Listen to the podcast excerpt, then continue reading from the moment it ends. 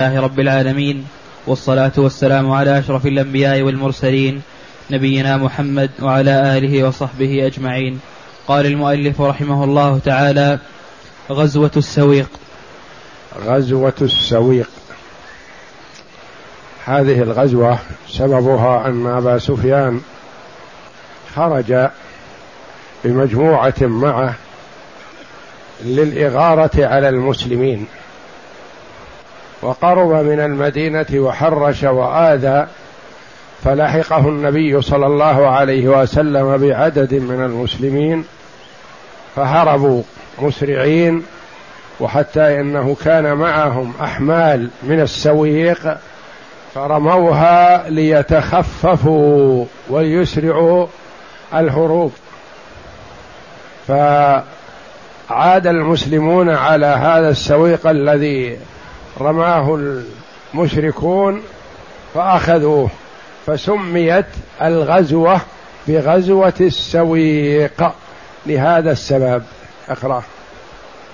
بينما كان صفوان بن أمية واليهود والمنافقون والمنافقون يقومون بمؤامراتهم وعملياتهم كان أبو سفيان يفكر في عمل قليل المغارم ظاهر الأثر يتعجل صفوان ابن أمية لأنه وتر في أبيه وتر بأبيه وأخيه وعمه ومجموعة من أهل بيته فكان يخطط للقضاء على المسلمين.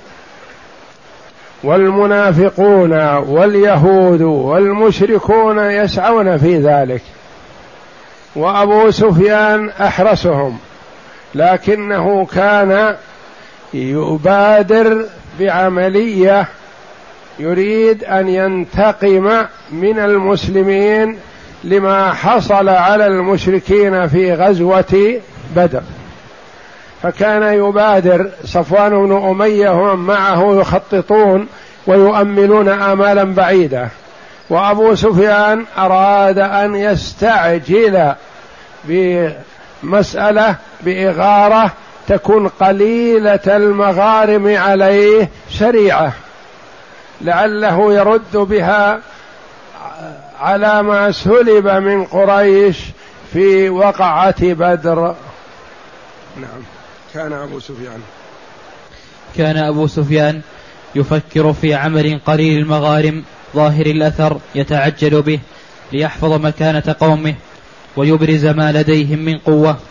وكان قد نذر ألا يمس رأسه ماء من جنابة حتى يغزو محمدا.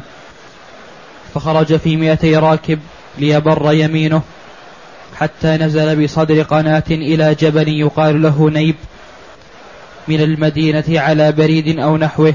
على بريد. البريد أربعة فراسخ والفرسخ ثلاثة أميال.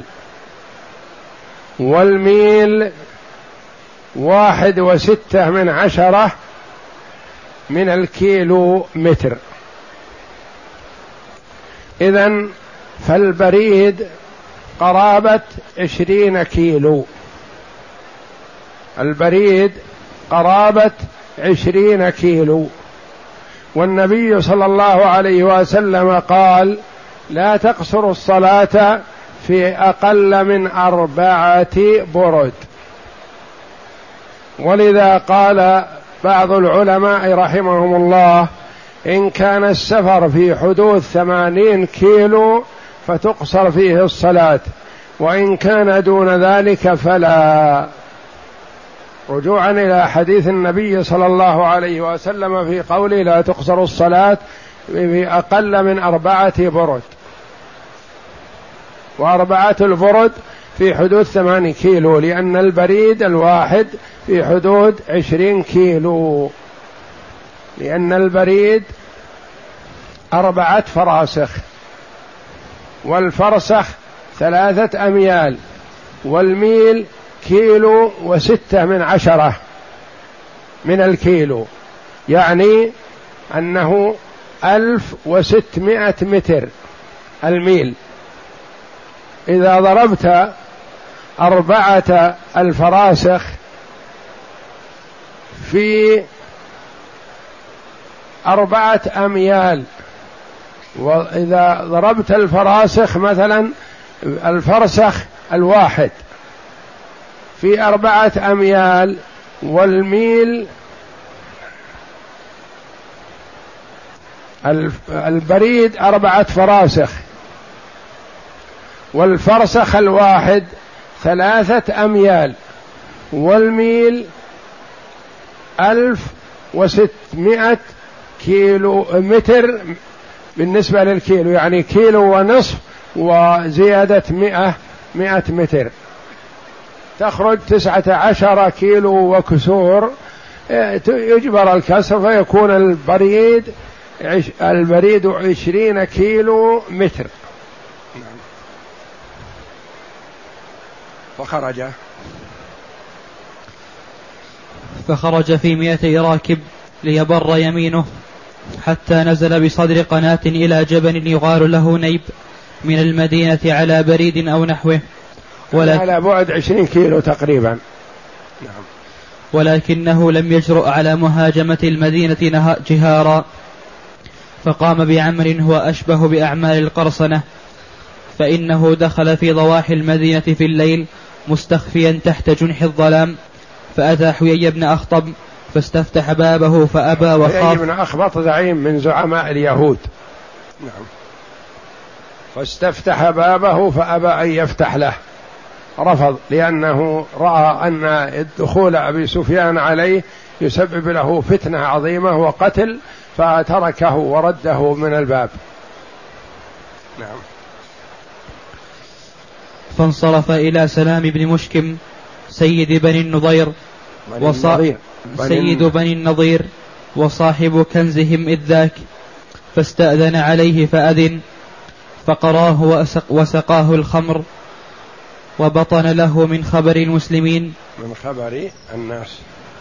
وبطن له من يعني خبر الناس. أعطاه ما لديه من الأخبار لأنه صديقه فهما يتفقان على عداوة محمد صلى الله عليه وسلم والمسلمين رضي الله عنهم. نعم.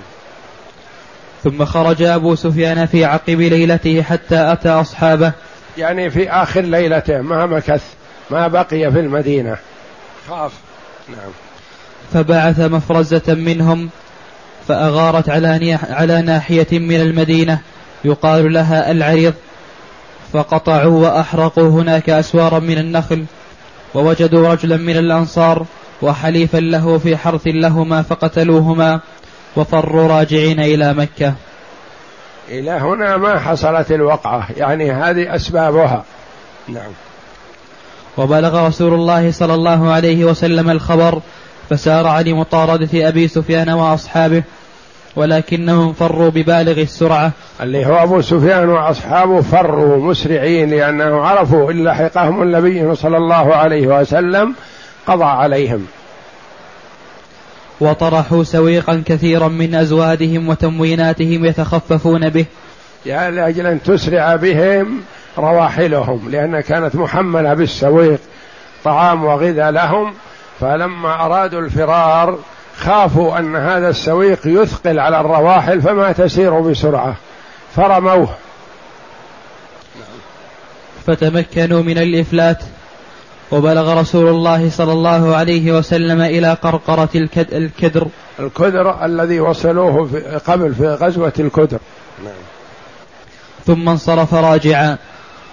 وحمل المسلمون ما طرحه الكفار من سويقهم وسموا هذه المناوشة بغزوة السويق وقعت في ذي الحجة في السنة الثانية بعد في السنة الثانية من الهجرة بعد بدر بشهرين. لأن بدر وقعت في رمضان في السنة الثانية وهذه في الحجة في شهر ذي الحجة في السنة بنفسها. واستعمل على المدينة في هذه الغزوة أبا لبابة بن عبد المنذر. من الأنصار رضي الله عنه نعم. غزوة ذي أمر وهي أكبر حملة عسكرية قادها رسول الله صلى الله عليه وسلم قبل معركة أحد قادها في المحرم من السنة الثالثة من الهجرة. فكانت في المحرم والتي قبلها غزوة السويق في ذي الحجة وقبلها غزوة بدر في رمضان وبين بدر والسويق غزوات وسرايا. فما كان النبي صلى الله عليه وسلم يجلس عن الجهاد في سبيل الله نعم.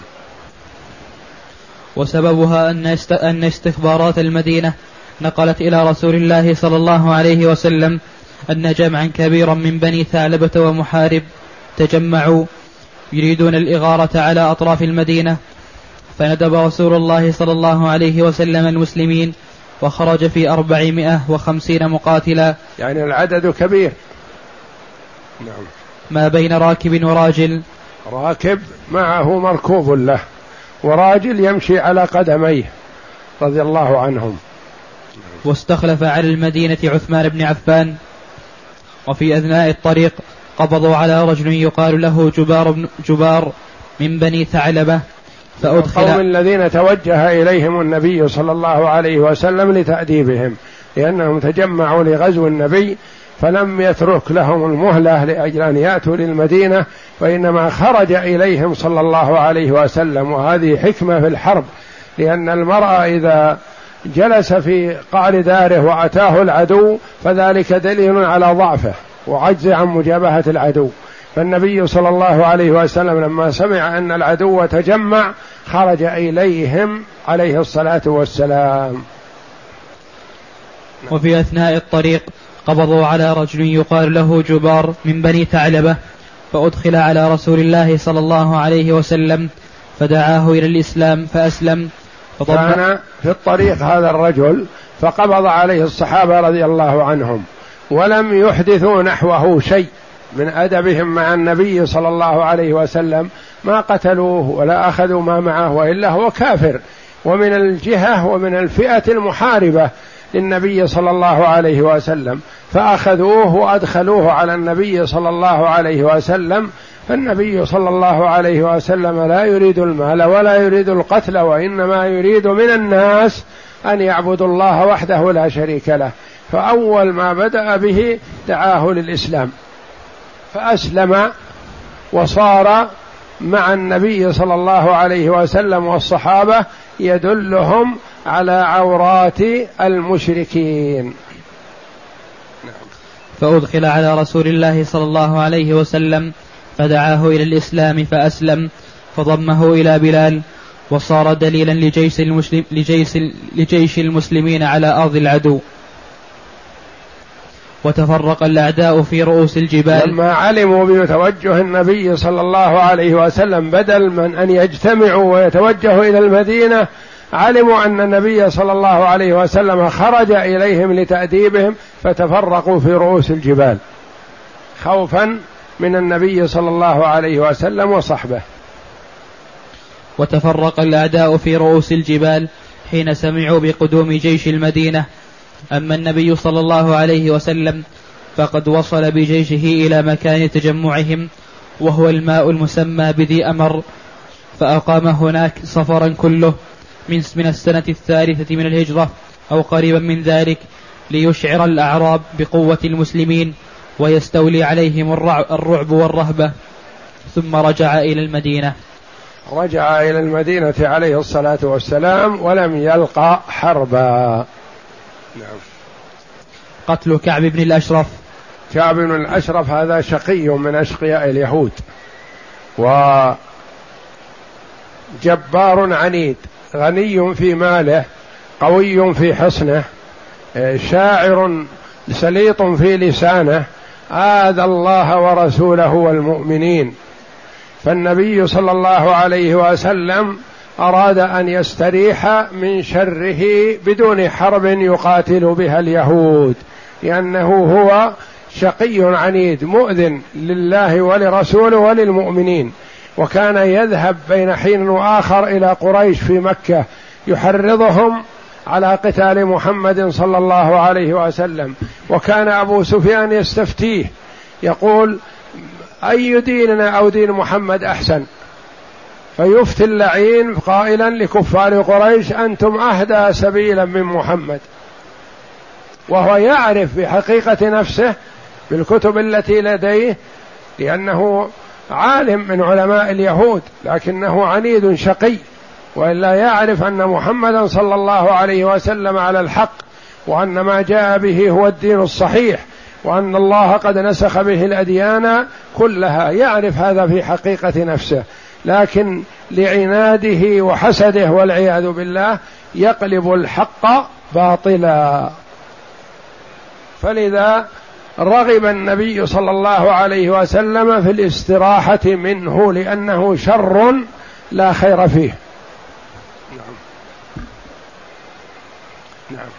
كان كعب بن الاشرف من أشد اليهود حنقا على على الاسلام والمسلمين وإيذاء لرسول الله صلى الله عليه وسلم وتظاهرا بالدعوة إلى حربه.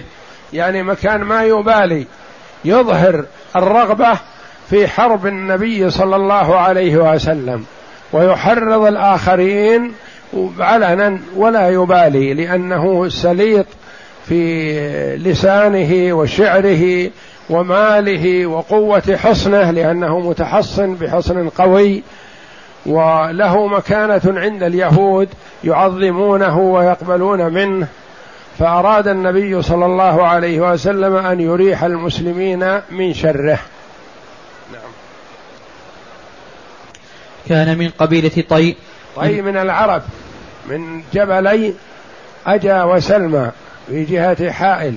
يعني كان هناك من العرب لكن أمه يهودية فصار تبعا لأمه في الدين وترأس وتكبر على اليهود فصاروا يرجعون إليه وتأمر عليهم وترأس عليهم نعم وإلا فهو ليس من بني إسرائيل وإنما هو من العرب من طي من قبيلة حاتم الطائي وعدي بن حاتم رضي الله عنه عدي بن حاتم نعم. من بني نبهان وأمه من بني النضير. أمه من اليهود من بني النضير. نعم.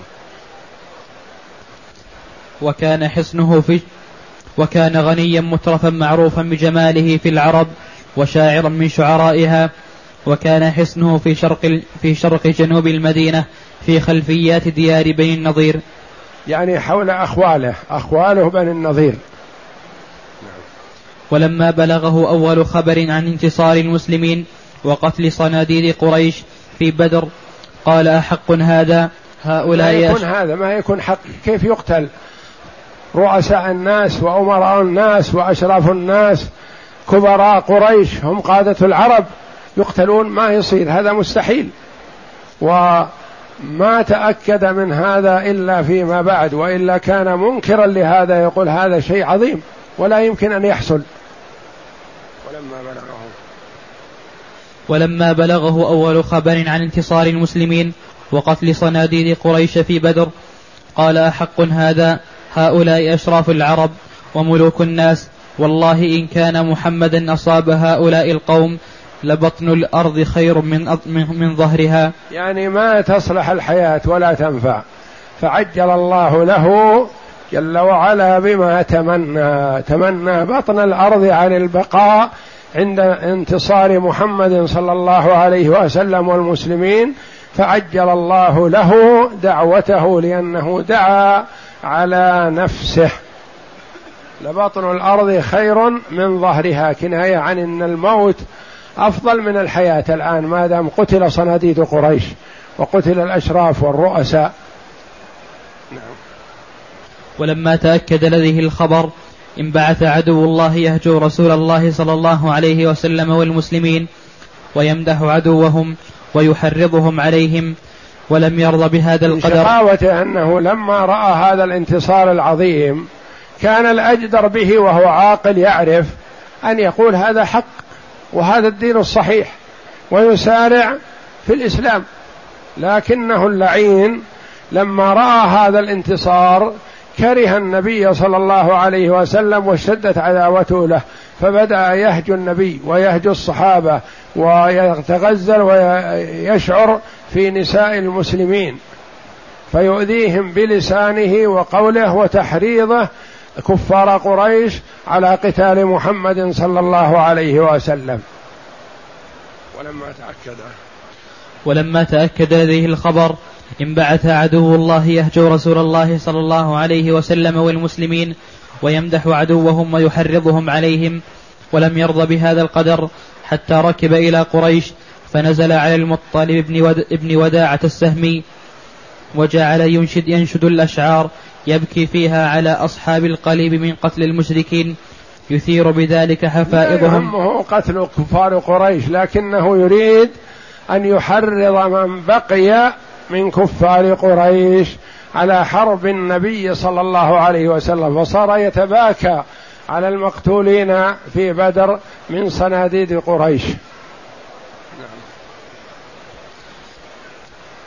ويذكي حقدهم على النبي صلى الله عليه وسلم ويدعوهم إلى حربه. وعندما كان بمكة سأله أبو سفيان والمشركون أديننا أحب إليك أم دين محمد وأصحابه؟ وأي الفريقين أهدى سبيلا؟ فقال أنتم أهدى منهم سبيلا وأفضل. وفي ذلك أنزل الله تعالى ألم تر إلى الذين أوتوا نصيبا من الكتاب يؤمنون بالجبت والطاغوت ويقولون للذين كفروا هؤلاء أهدى من الذين آمنوا سبيلا؟ هؤلاء هذا هو لأنه هو ممن أوتي الكتاب فهو من اليهود وعندهم العلم وعندهم التوراة وكان كفار قريش يسألونهم عما يشكل عليهم اعترافا من كفار قريش بعلم اليهود. ولهذا جعل الله جعلهم الله جل وعلا هم المغضوب عليهم لأن عندهم العلم ولم يعملوا به. وأمرنا جل وعلا أن نسأل الله الهداية إلى الصراط المستقيم وأن يجنبنا طريق المغضوب عليهم وهم اليهود والضالين وهم النصارى. فاليهود عندهم العلم فلم يعملوا به فغضب الله عليهم. والنصارى يعبدون الله على جهل وضلال فهم ضالون. فأنزل الله جل وعلا لما أفتى هو كفار قريش بأن طريقتهم أحسن وأفضل من طريقة محمد أنزل الله جل وعلا على رسوله ألم تر إلى الذين أوتوا نصيبا من الكتاب هذا؟ يؤمنون بالجبت والطاغوت السحر والكفر والضلال. ويقولون للذين كفروا لكفار قريش هؤلاء أهدى من الذين آمنوا سبيلا. مقتهم الله جل وعلا ونوه بمقتهم بأنهم أوتوا الكتاب. يعني قالوا هذه المقالة لا عن جهل وإنما عن عناد وحسد. فقوله جل وعلا ألم تر إلى الذين أوتوا نصيبا من الكتاب؟ يعني عندهم علم. لكنهم ضلوا والعياذ بالله وجحدوا ما عندهم من العلم آه، حسدا للنبي صلى الله عليه وسلم والمسلمين. ثم رجع كعب إلى المدينة على تلك الحال وأخذ يشبب في أشعاره بنساء الصحابة ويؤذيهم بسلاطه بسلاطة لسانه أشد الإيذاء. وحينئذ قال رسول الله صلى الله عليه وسلم من لكعب بن الأشرف؟ يعني من يتقدم منكم أيها الصحابة لقتل هذا الشقي العنيد؟ من له منكم؟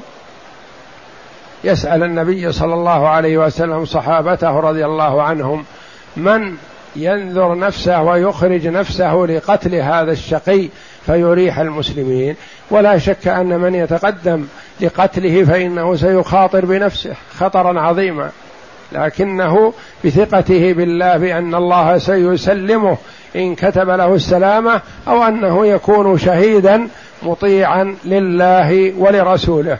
فهو على غنيمة في كلا الحالين.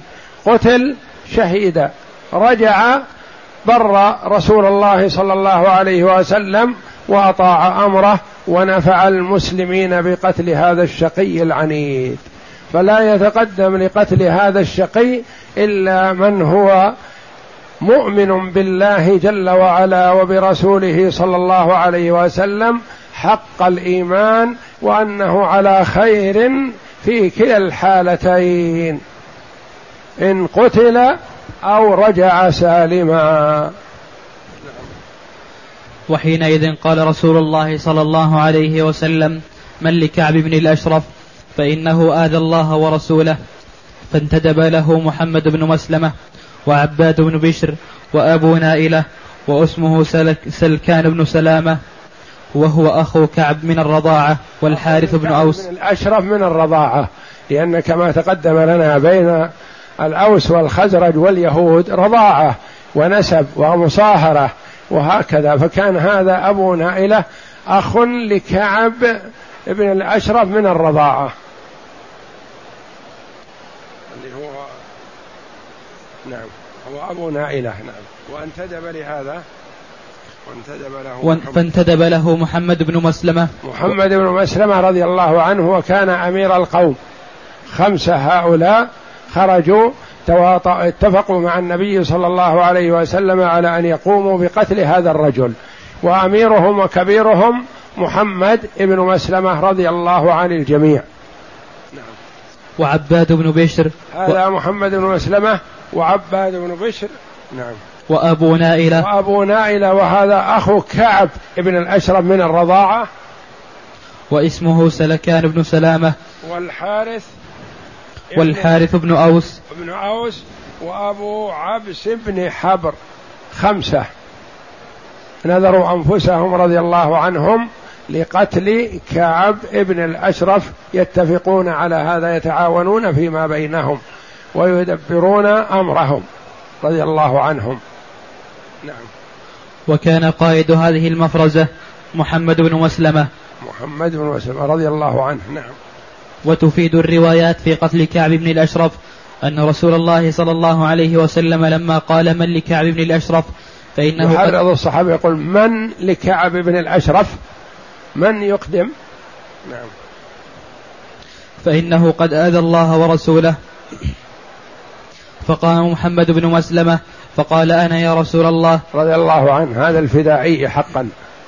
أتحب أن أقتله؟ قال نعم. قال فأذن لي أن أقول شيئا. قال قل. يقول ما أستطيع أن أصل إلى هذا الشقي اللعين إلا أن أتعرضك يا رسول الله بشيء. تسمح لي؟ لأنه لن يطمئن إليه هذا الشقي إلا إذا نال من محمد صلى الله عليه وسلم. يقول فأذن لي. خشي رضي الله عنه أن يقول بدون إذن فيهلك. فما يأتيه من الأجر مثل ما يأتيه من الإزر في التعرض للنبي صلى الله عليه وسلم. فقال إذن لي يا رسول الله أن أقول شيء. ما يمكن أصل إليه هذا اللعين إلا أن أقول شيئا. ظاهره يغضبك لكن حقيقته هي لأجل التمكن من قتل هذا اللعين. فقال له النبي صلى الله عليه وسلم لثقته بهذا الرجل قل يعني قل ما ترى أنه مناسب يوصلك إلى هذا الهدف الذي تريده وهو قتل هذا الشقي. قل أذن له النبي صلى الله عليه وسلم وهذا يدل على حرص الصحابة رضي الله عنهم أن لا ينسب إليهم شيء يؤذي رسول الله صلى الله عليه وسلم والمسلمين إلا بإذن إلا لمصلحة. فما كان مصلحته راجحة فقد أذن فيه الله جل وعلا وأذن فيه رسوله صلى الله عليه وسلم. فأتاه محمد بن مسلمة فقال إن هذا الرجل قد سألنا صدقة وإنه قد عنانا إن هذا الرجل يقصد النبي صلى الله عليه وسلم. فالإنسان إذا أراد أن يتكلم عن شخص ما يريد يعظمه يذكر يقول هذا هذا الرجل أو فلان أو نحو ذلك.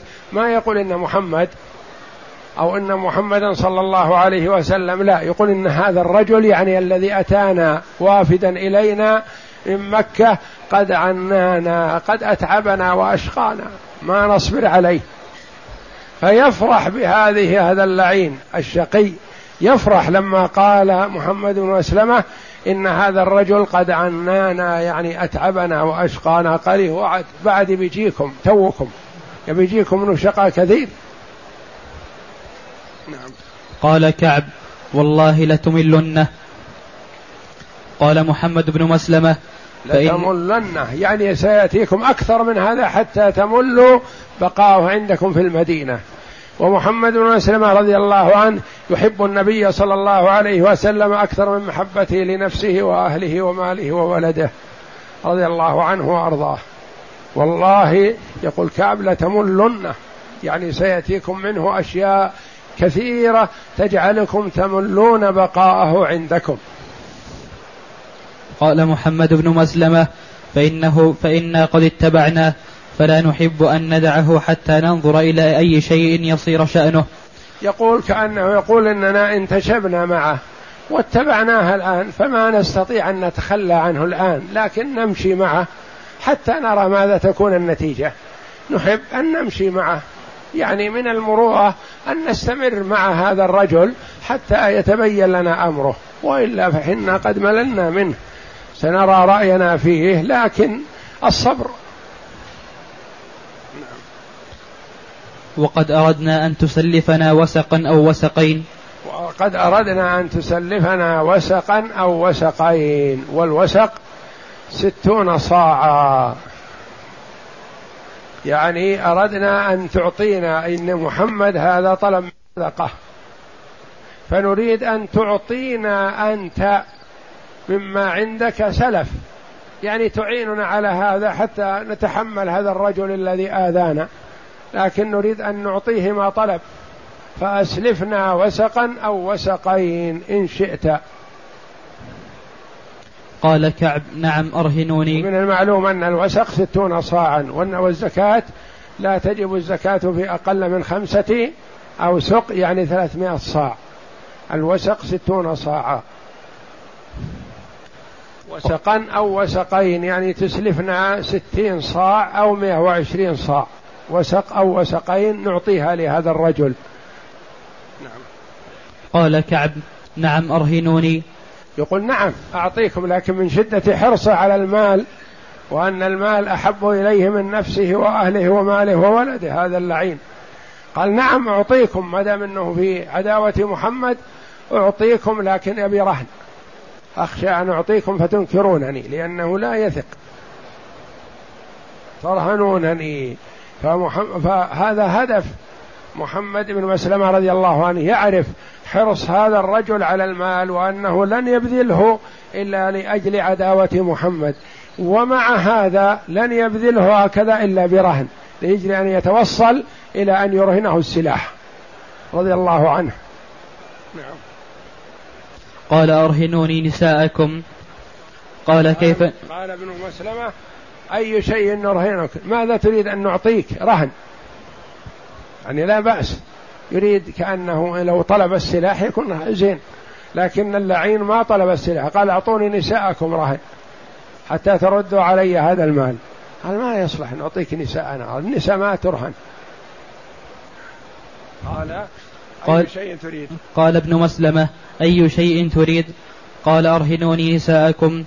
قال كيف نرهنك نساءنا وأنت أجمل العرب؟ يقول نخشى على نسائنا ولا أنت ما عليك. لكن نخشى من نسائنا أن تميل إليك لأنك أنت جميل وهو جميل الصورة. جميل الصورة لكنه خبيث القلب. فقال ما نستطيع نرهنك نساءنا تميل إليك نساءنا إذا رأتك. نعم. قال فترهنوني أبناءكم. قال كيف نرهنك أبناءنا؟ فيسب أحدهم. فيسب أحدهم. فيسب أحدهم. فيقال رهن, رهن بوسق أو وسقين. هذا عار علينا. ولا يقول ما نستطيع أن نعطيك أولادنا. الأولاد ما عليهم مخافة. لكن الأولاد إذا كبروا يقول هذا مرهون مرهون بوسق من التمر فيعير. يستمر يعير بها مدى الحياة. ما يصلح نعطيك عيالنا نهر وإنما شوف غير هذا غير النساء وغير الأولاد. يريد أن يتوصل إلى السلاح رضي الله عنه. ولكننا نرهنك اللؤمة. اللأمة اللأمة السلاح. يعني ما قال السلاح فقط يعني اللأمة منها البيضة ومنها الدرع والأشياء التي يستعد بها للقتال. هذه نعطيك إياها هي أغلى ما عندنا. نعطيك إياها رهنا حتى إذا جاء مرة أخرى لقتله ومعه السلاح ما يستنكر كأنه جاء ليسلمه الرهن.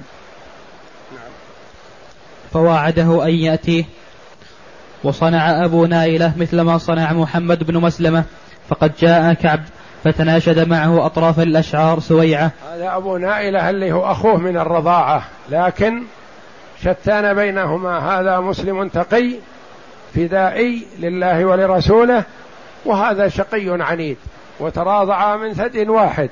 فجاء أبو نائلة هذا بصفة القرابة بينهم والرضاعة.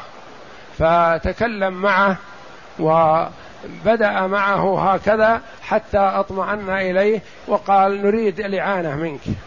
نريد إعانة منك. حنا طلب منا محمد شيء ونريد أن نعطيه ما طلب اتقاء شره.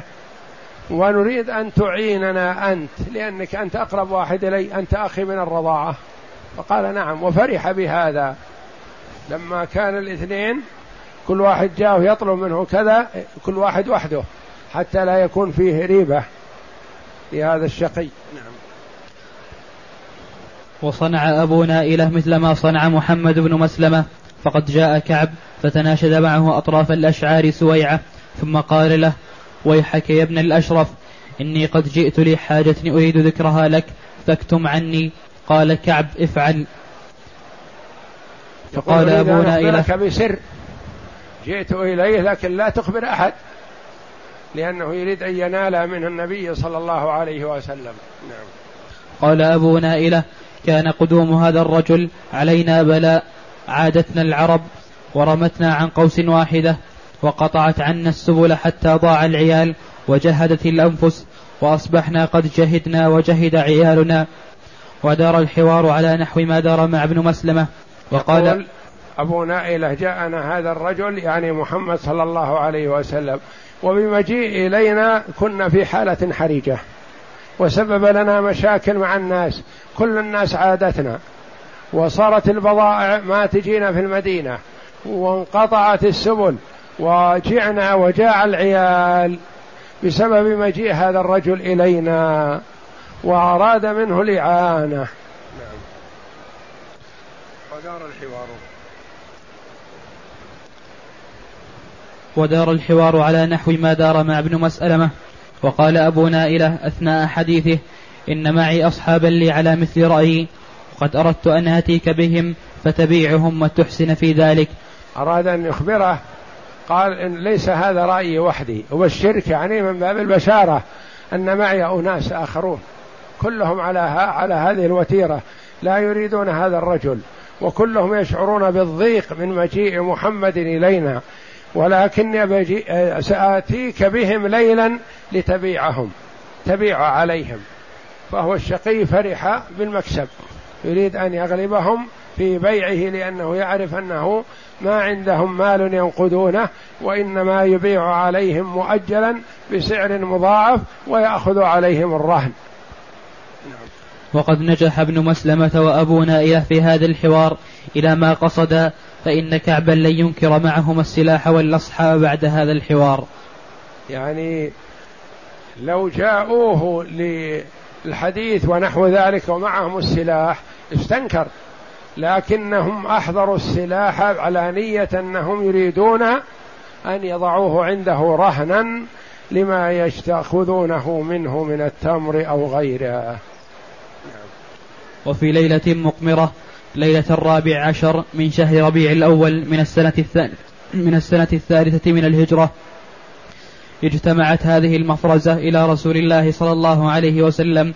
يعني جاءوا يودعون النبي صلى الله عليه وسلم ويطلبون دعواته لأنهم يذهبون ولا يدرون هل يرجعون أو لا.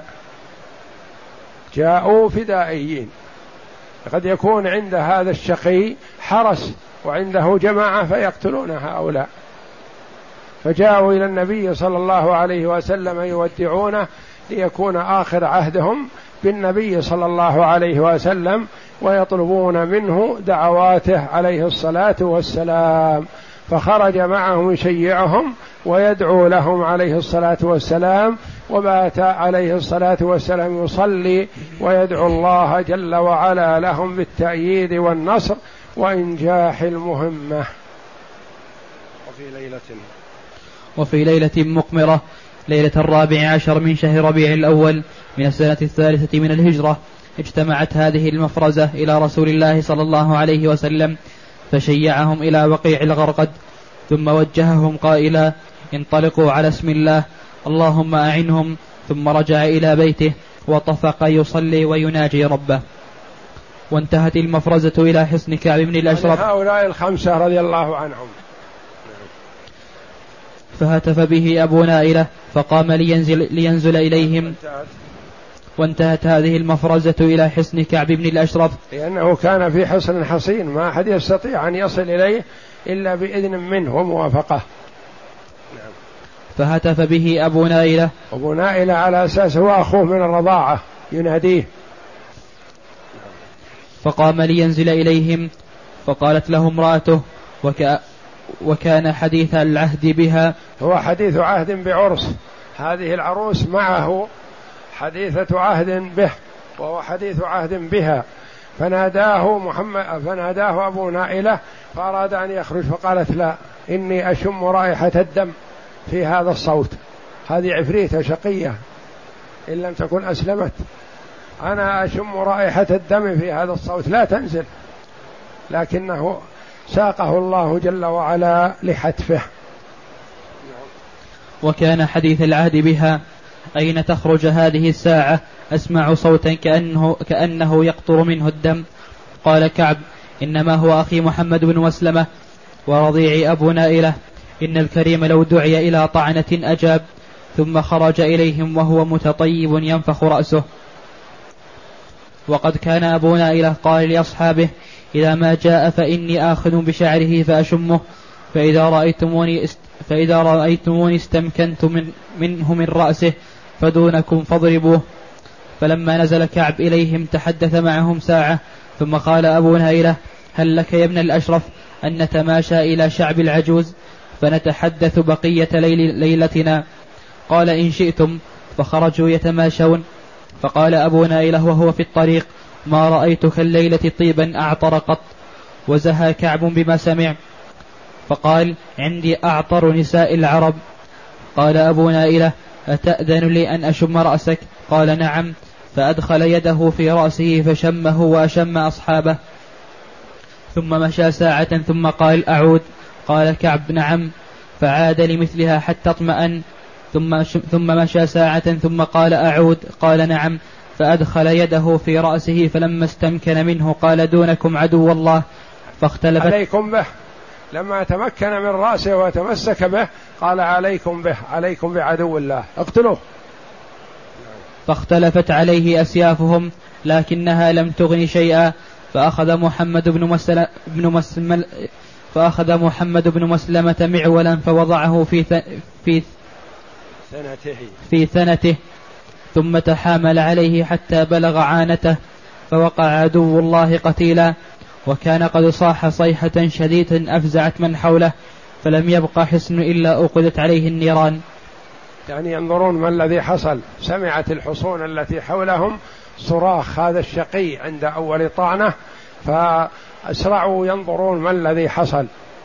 وإذا بالصحابة رضي الله عنهم قد قضوا على هذا الرجل وحزوا رأسه وقطعوه وذهبوا به معهم إلى النبي صلى الله عليه وسلم ليريوه رأس هذا الشقي.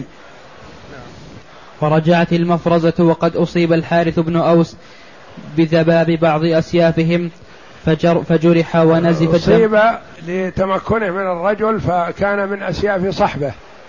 من السيوف التي مع صحبه أصيب بجرح رضي الله عنه شديد ما استطاع معه أن يمشي. ورجعت. ورجعت المفرزة وقد أصيب الحارث بن أوس بذباب بعض سيوف أصحابه فجرح ونزف الدم فلما بلغت المفرزة حرة العريض رأت أن الحارث ليس معهم فوقف فوقفت ساعة حتى أتاهم يتبع آثارهم فاحتملوه حتى إذا بلغوا بقيع الغرقد كبروا. وسمع رسول الله صلى الله عليه وسلم تكبيرهم فعرف أنهم قد قتلوه فكبر. رضي الله عنهم. والنبي صلى الله عليه وسلم كان ينتظرهم ويدعو الله جل وعلا. فلما وصلوا البقيع المكان الذي ودعهم فيه النبي صلى الله عليه وسلم كبروا. إشعار للنبي صلى الله عليه وسلم بأنهم أنهوا مهمتهم التي انتدبهم إليها. فسمع النبي صلى الله عليه وسلم تكبيرهم فعرف أنهم انتصروا بحمد الله. فلما انتهوا إليه قال أفلحت الوجوه. قالوا ووجهك يا رسول الله. ورموا برأس الطاغية بين بين أيديه. فحمد الله على قتله وتفل على جرح الحارث فبرئ ولم يؤذ بعد. حمد الله جل وعلا لما رأى رأس هذا الطاغية بين يديه ثم إنه التفت إلى صاحبه الحارث الذي مع القوم فتفل على جرحه فبرأ كأن لم يكن به شيء والحمد لله نعم.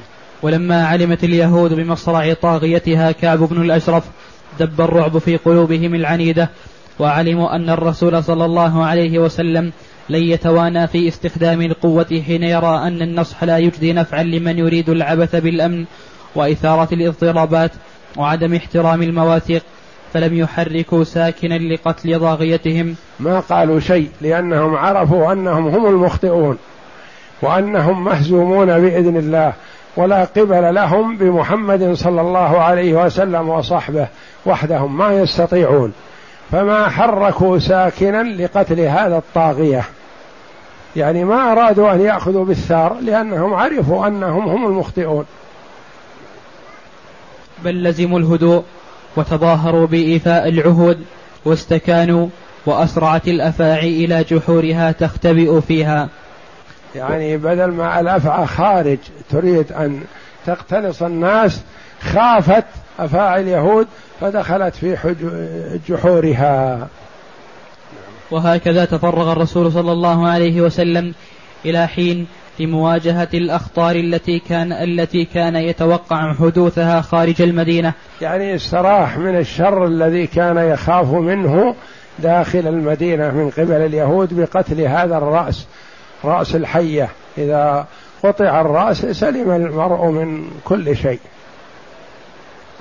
وهكذا تفرغ. وهكذا تفرغ الرسول صلى الله عليه وسلم إلى حين لمواجهة الأخطار التي كانت التي كان يتوقع حدوثها خارج المدينة وأصبح المسلمون وقد تخفف عنهم كثير من المتاعب الداخلية التي كانوا يتوجسونها ويشمون رائحتها بين آونة وأخرى. والله أعلم وصلى الله وسلم وبارك على عبده ورسول نبينا محمد وعلى آله وصحبه أجمعين.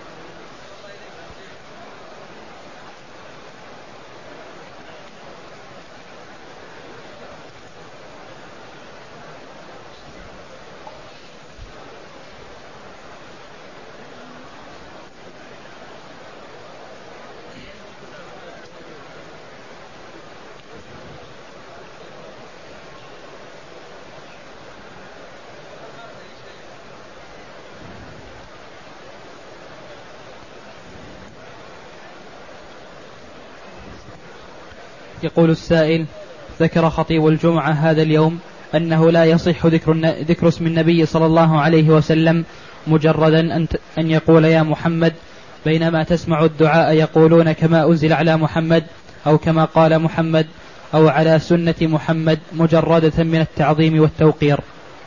نعم كره كثير من العلماء أن يذكر اسم النبي صلى الله عليه وسلم مجردا.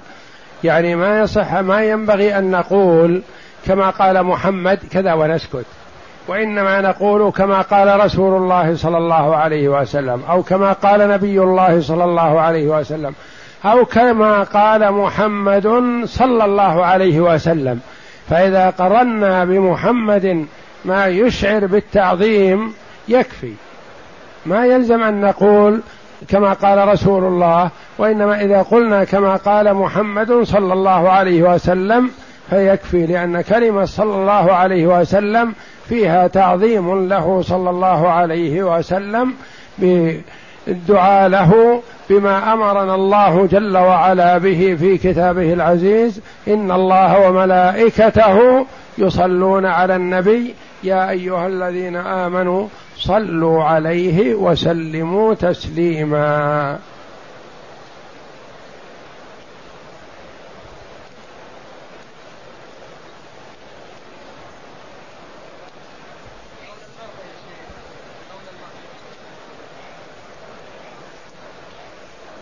يقول السائل هل يجوز للمرأة أن تقيم الصلاة وتؤذن؟ لا يكره. أما المرأة أو مجموعة النساء فيكره لهن الأذان والإقامة ولا يحرم عليهن ذلك لكن يكره. يكرهان للنساء. الأذان والإقامة فرض كفاية.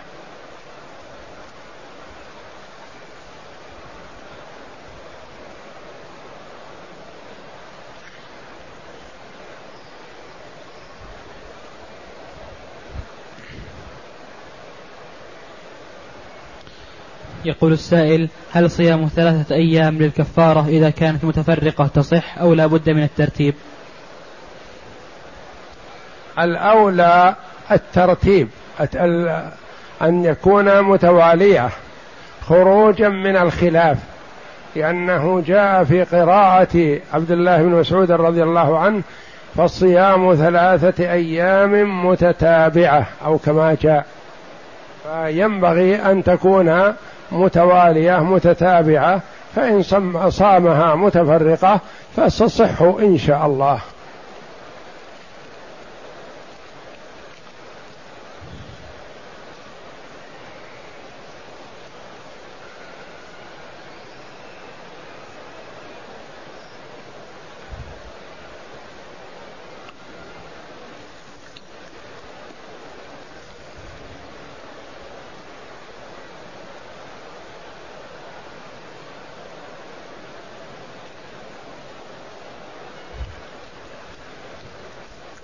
يقول يقول السائل كيف نرد على من يقول أن خروج النبي صلى الله عليه وسلم لقافلة أبي سفيان من قطع الطريق؟ لا يا أخي ما ينبغي مثل هذا ولا يقوله مسلم لأن كفار قريش آذوا النبي صلى الله عليه وسلم والمسلمين. آذوهم جهارا وأخذوا أموالهم غصبا وأخرجوهم من ديارهم. فهم المعتدون كفار قريش المعتدون الظالمون. ومن انتقم لنفسه مقابل ما أوذي فقد أذن الله جل وعلا له. كما قال تعالى لا يحب الله الجهر بالسوء من القول إلا من ظلم.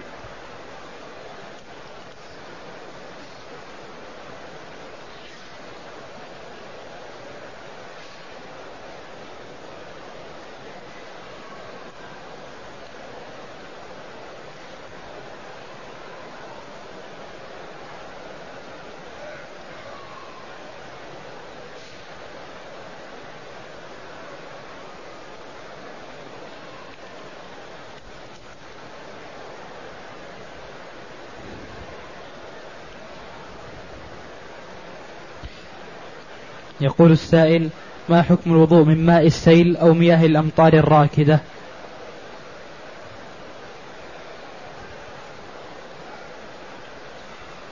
الوضوء بكل ماء طهور سواء كان من ماء الأنهار أو ماء البحار أو ماء الآبار أو ماء السيول الجارية أو الراكدة. كله طهور رافع للحدث.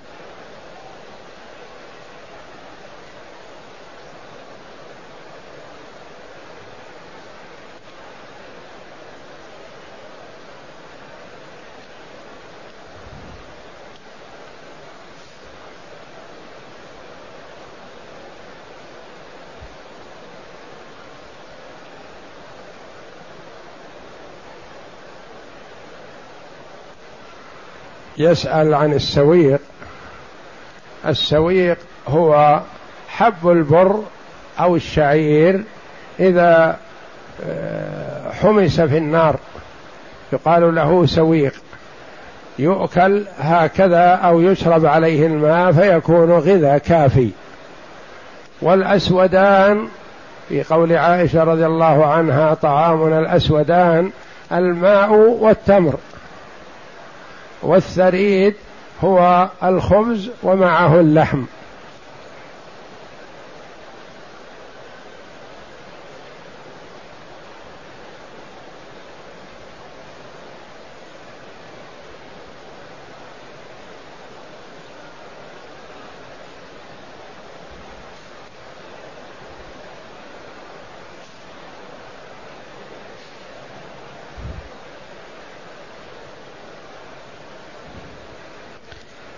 يقول يقول السائل هل يجوز إعطاء الزكاة إلى رجل من ذوي الأرحام علما بأنه سيشتري بها خمرا؟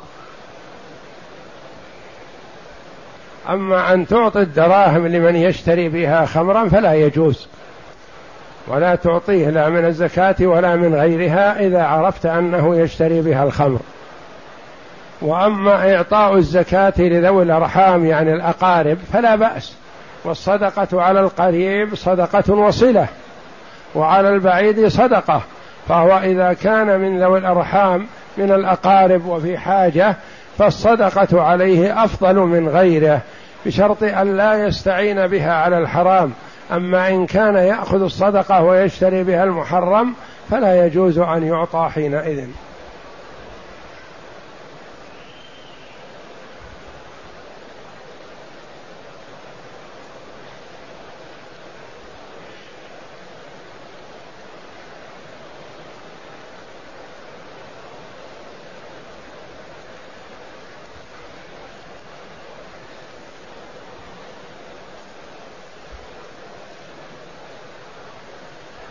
يقول السائل ما معنى قوله صاحب كنزهم إذ ذاك؟ صاحب كنزهم يعني عنده أموالهم ربما يكونوا يأتمنونه على أموالهم يجمعونها عندهم.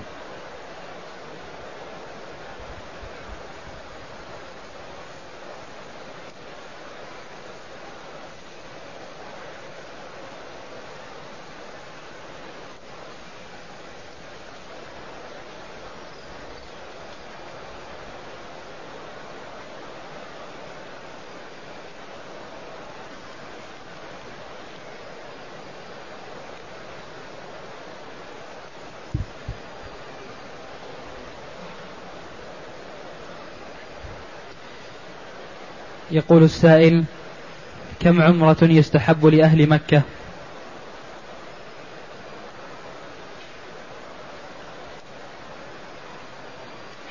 ما يقال كم عمرة يستحب لأهل مكة؟ أولا المكي إذا قدم إلى مكة يستحب أن يدخلها بعمرة. وإذا طال بقاه وإقامته في مكة بدون خروج فإذا خرج إلى مكان ما واعتمر فلا بأس عليه ولا يحدد هذا بحد يقال في الشهر أو في الشهرين أو أكثر أو أقل وإنما حسب ما يتيسر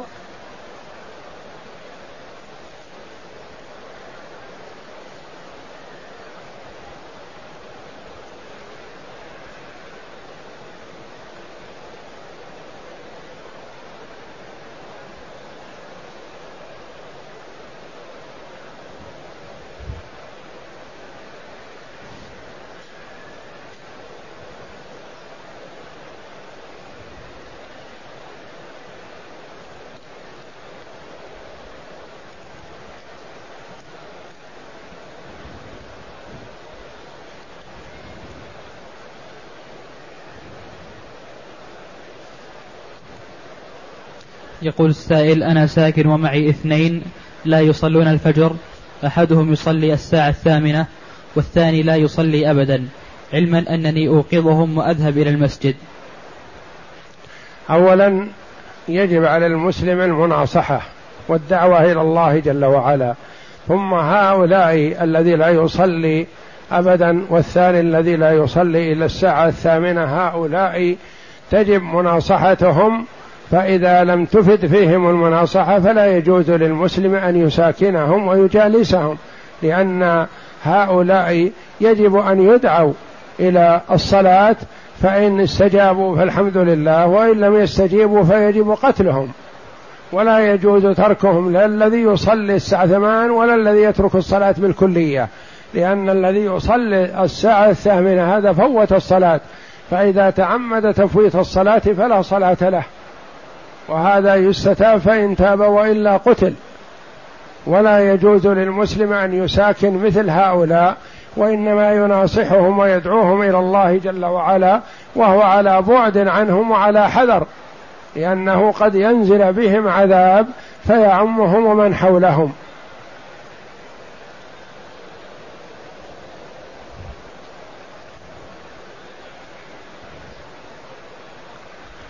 يقول السائل هل يجوز للزوجة تقبيل زوجها بعد وفاته؟ لها ذلك كما أن لها أن تغسله. فالزوجة تغسل زوجها والزوج له أن يغسل زوجته. والله أعلم وصلى الله وسلم وبارك على عبد ورسول نبينا محمد وعلى آله وصحبه أجمعين.